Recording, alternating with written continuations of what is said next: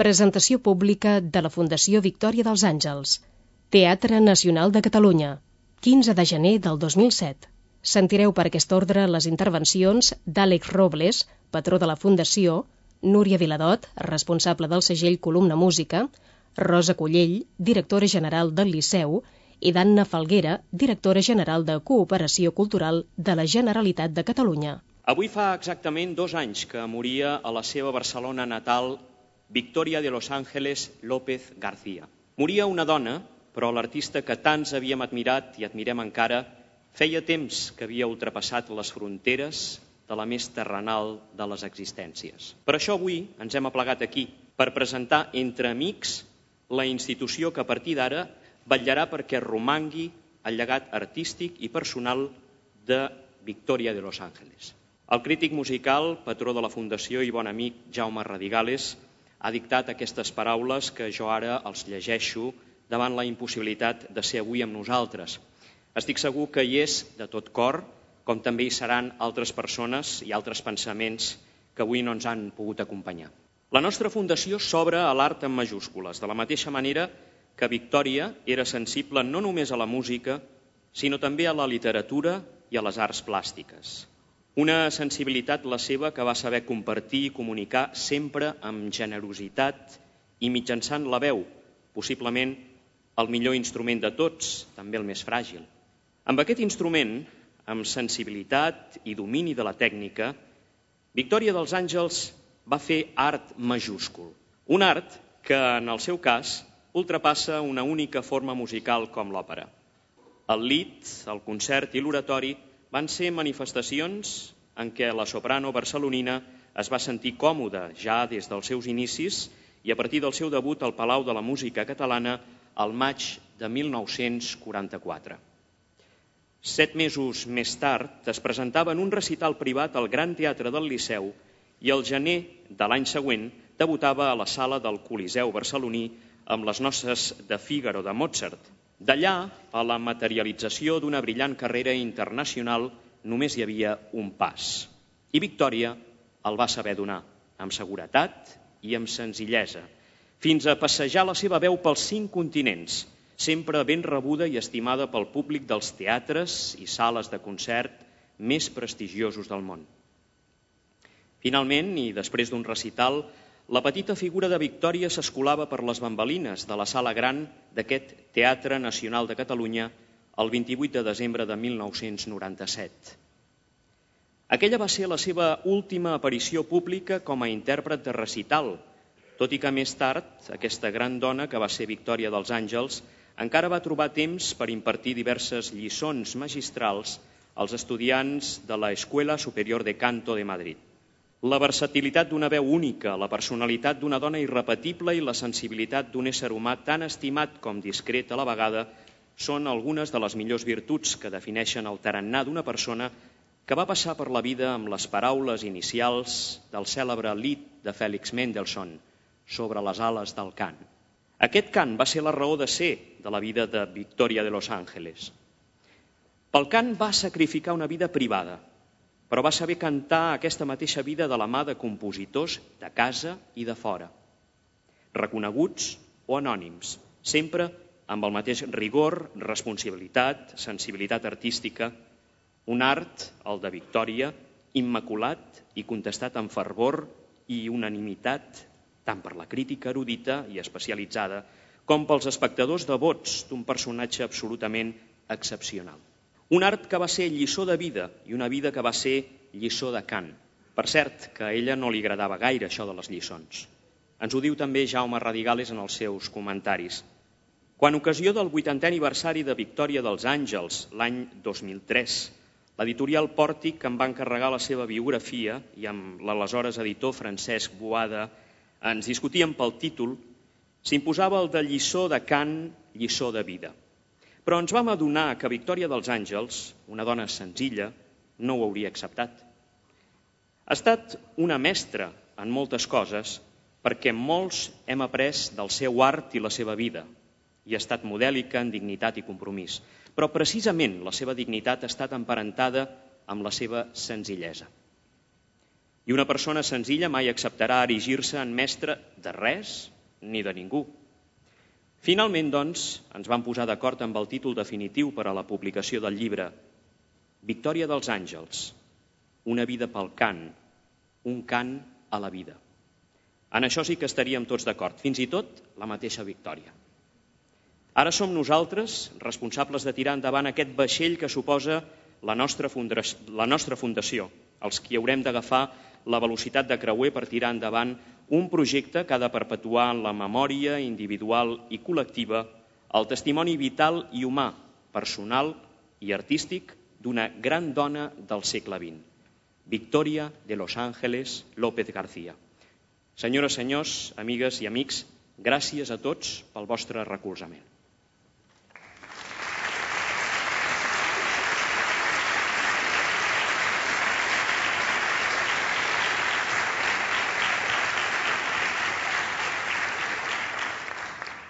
Tot seguit té la paraula la senyora Núria Viladot, directora de Columna Música. Gràcies, Àlex, per les teves paraules. Il·lustres autoritats, senyores i senyors, molt bon dia a tothom i gràcies per haver vingut. Segurament a mi em pertoca de parlar-los d'un dels aspectes més visibles i més vistosos d'aquesta aventura que avui presentem. Com bé acaba de dir l'Àlex Robles, en nom del patronat, Columna Música s'encarregarà de ser l'altaveu del llegat musical de Victòria de Los Ángeles. És fàcil d'entendre que això ens ompli de satisfacció, una satisfacció fonda.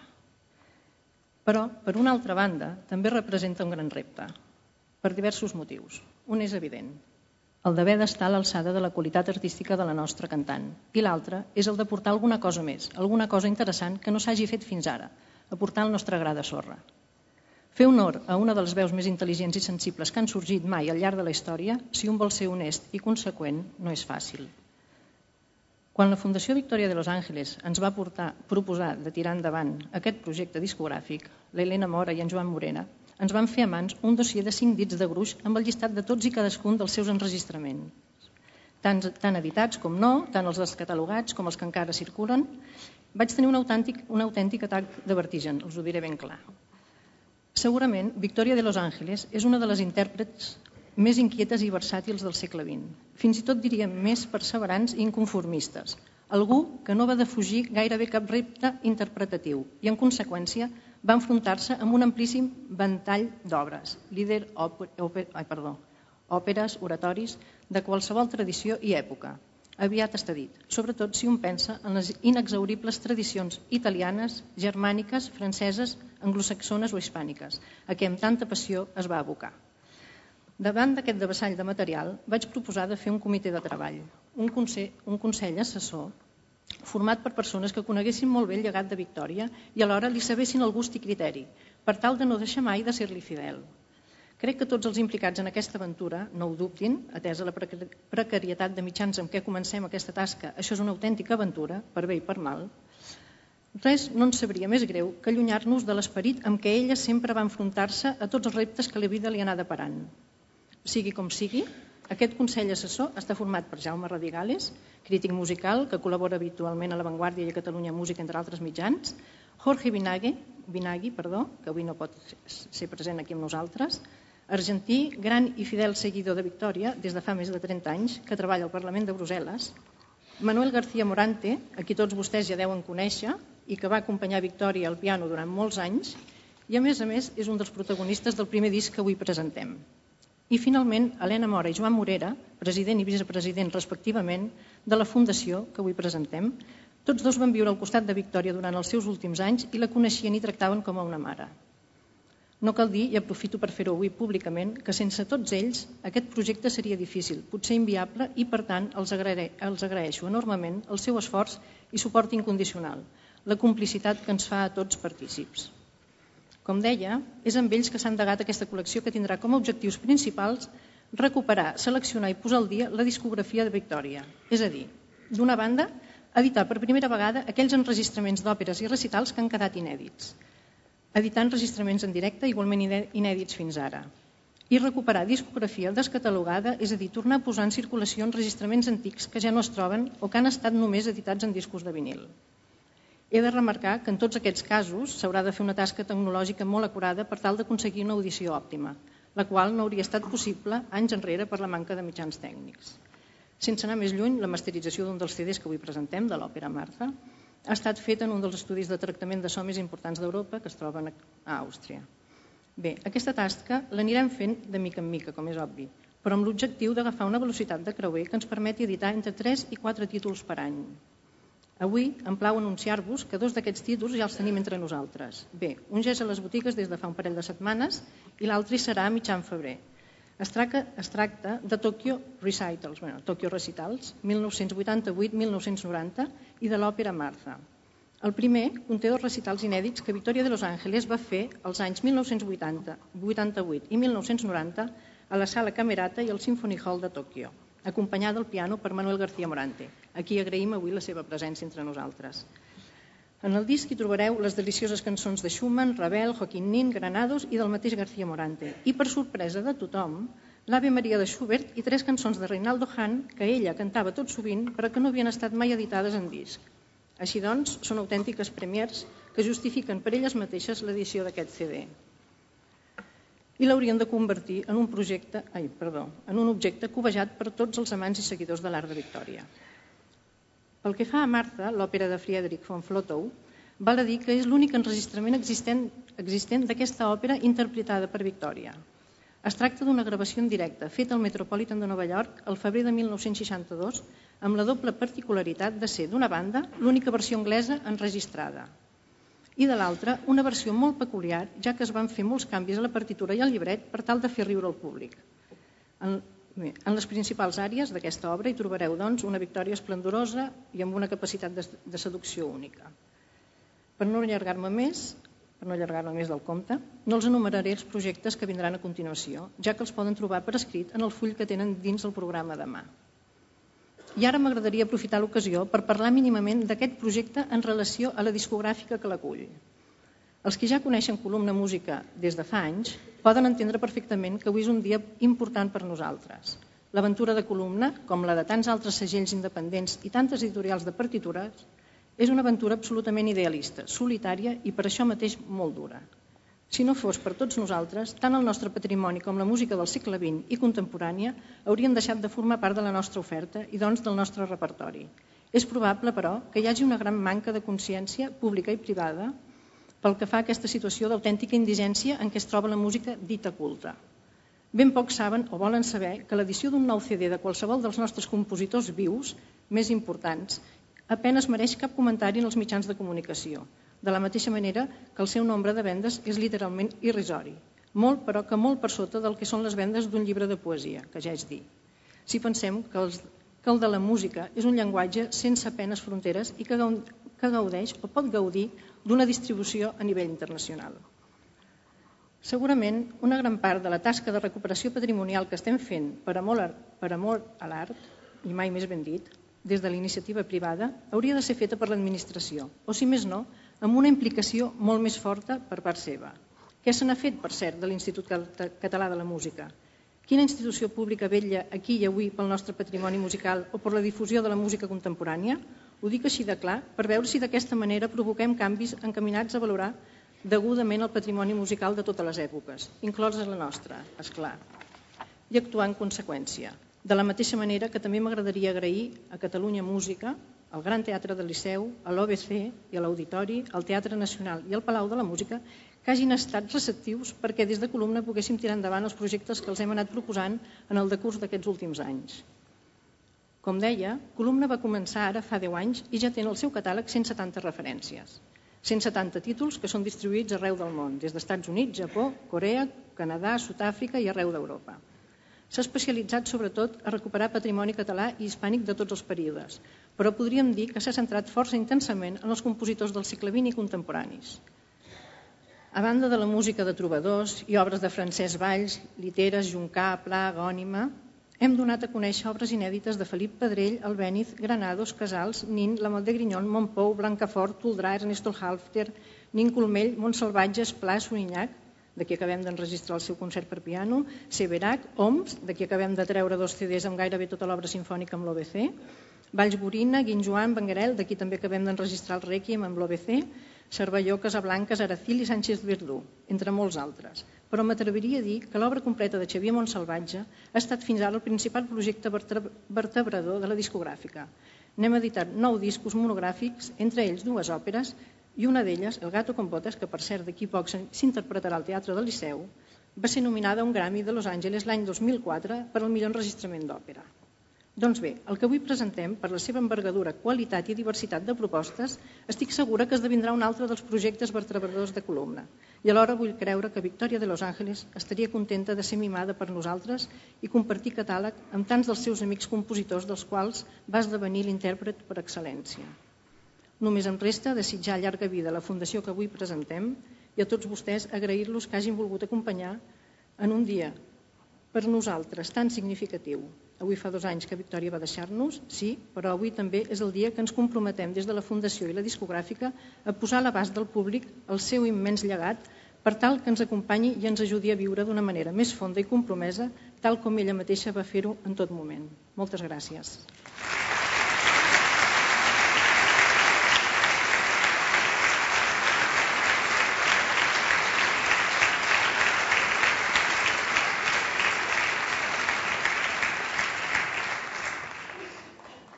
Ara té la paraula la senyora Rosa Cullell, directora general del Gran Teatre del Liceu.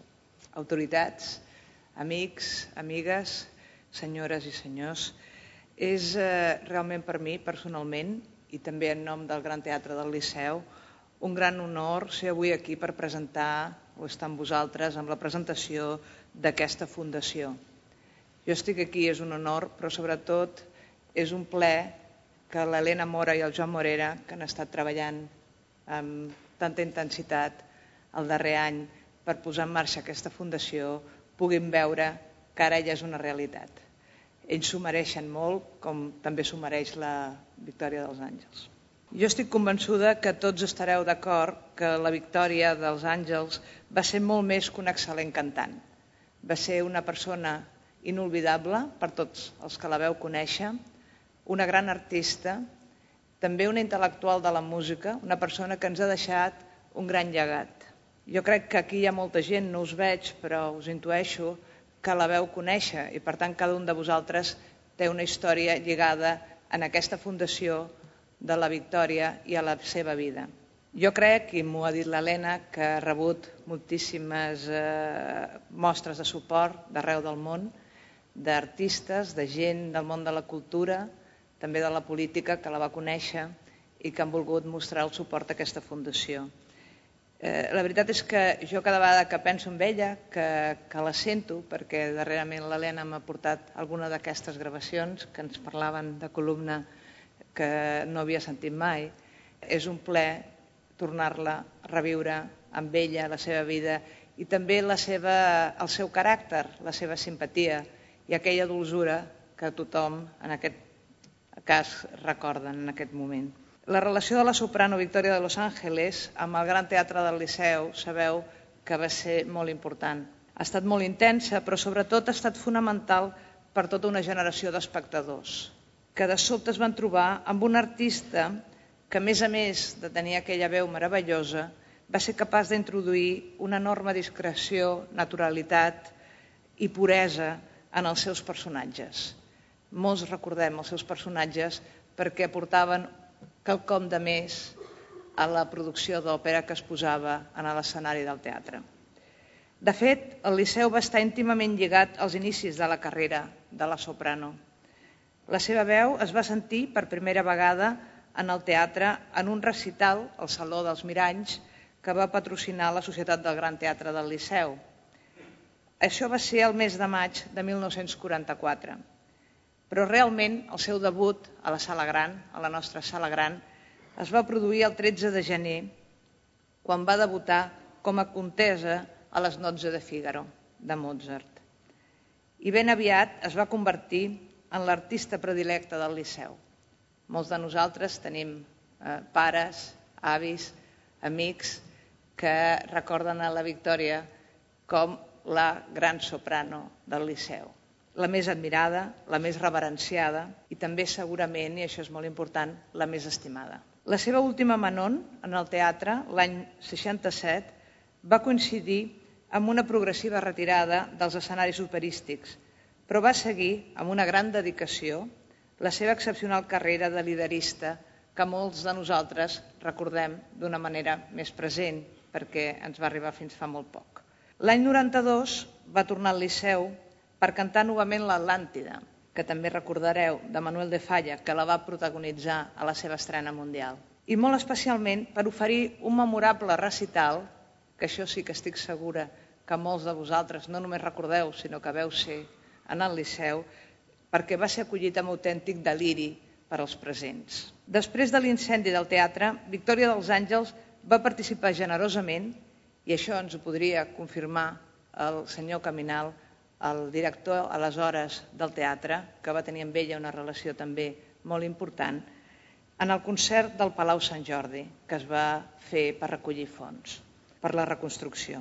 Era només una cosa més del molt que va donar la Victòria de Los Ángeles al Teatre de la Rambla, al nostre teatre del Liceu. Ella és part ja, ho és des del primer dia, de la història del Liceu i també de la història de la lírica, de la seva millor història. Moltes gràcies.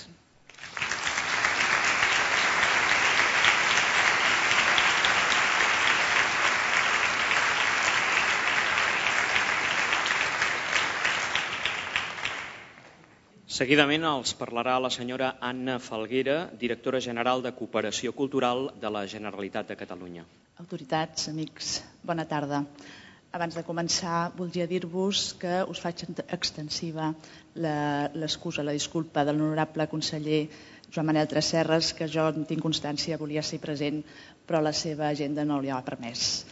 Em dirigeixo a vosaltres com a directora general de Cooperació Cultural, tal com ha presentat, i, i vinc amb un missatge, jo crec que curt però prou clar, eh, donar la benvinguda a aquesta fundació, felicitar la iniciativa de columna, agrair l'esforç personal i la vinculació emotiva que es veu eh, darrere d'aquest gran esforç, el reconeixement a un gran patrimoni, que és la mateixa figura de l'artista, la, i vinc a dir-vos que el conseller recull la, podem dir-ne la torxa encesa per la consellera Mieres aquí present, per qual saludem, i manifesta eh, la seva voluntat de col·laboració en el projecte.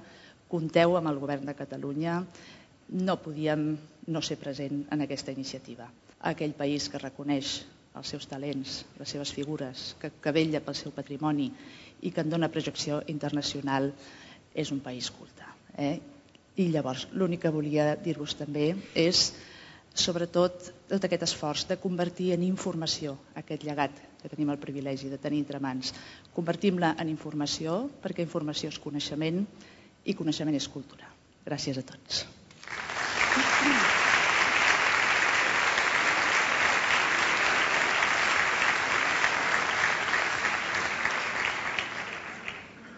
Fins aquí la presentació pública de la Fundació Victòria dels Àngels, feta al Teatre Nacional de Catalunya el 15 de gener del 2007. Línies addicionals, un programa de Catalunya Música.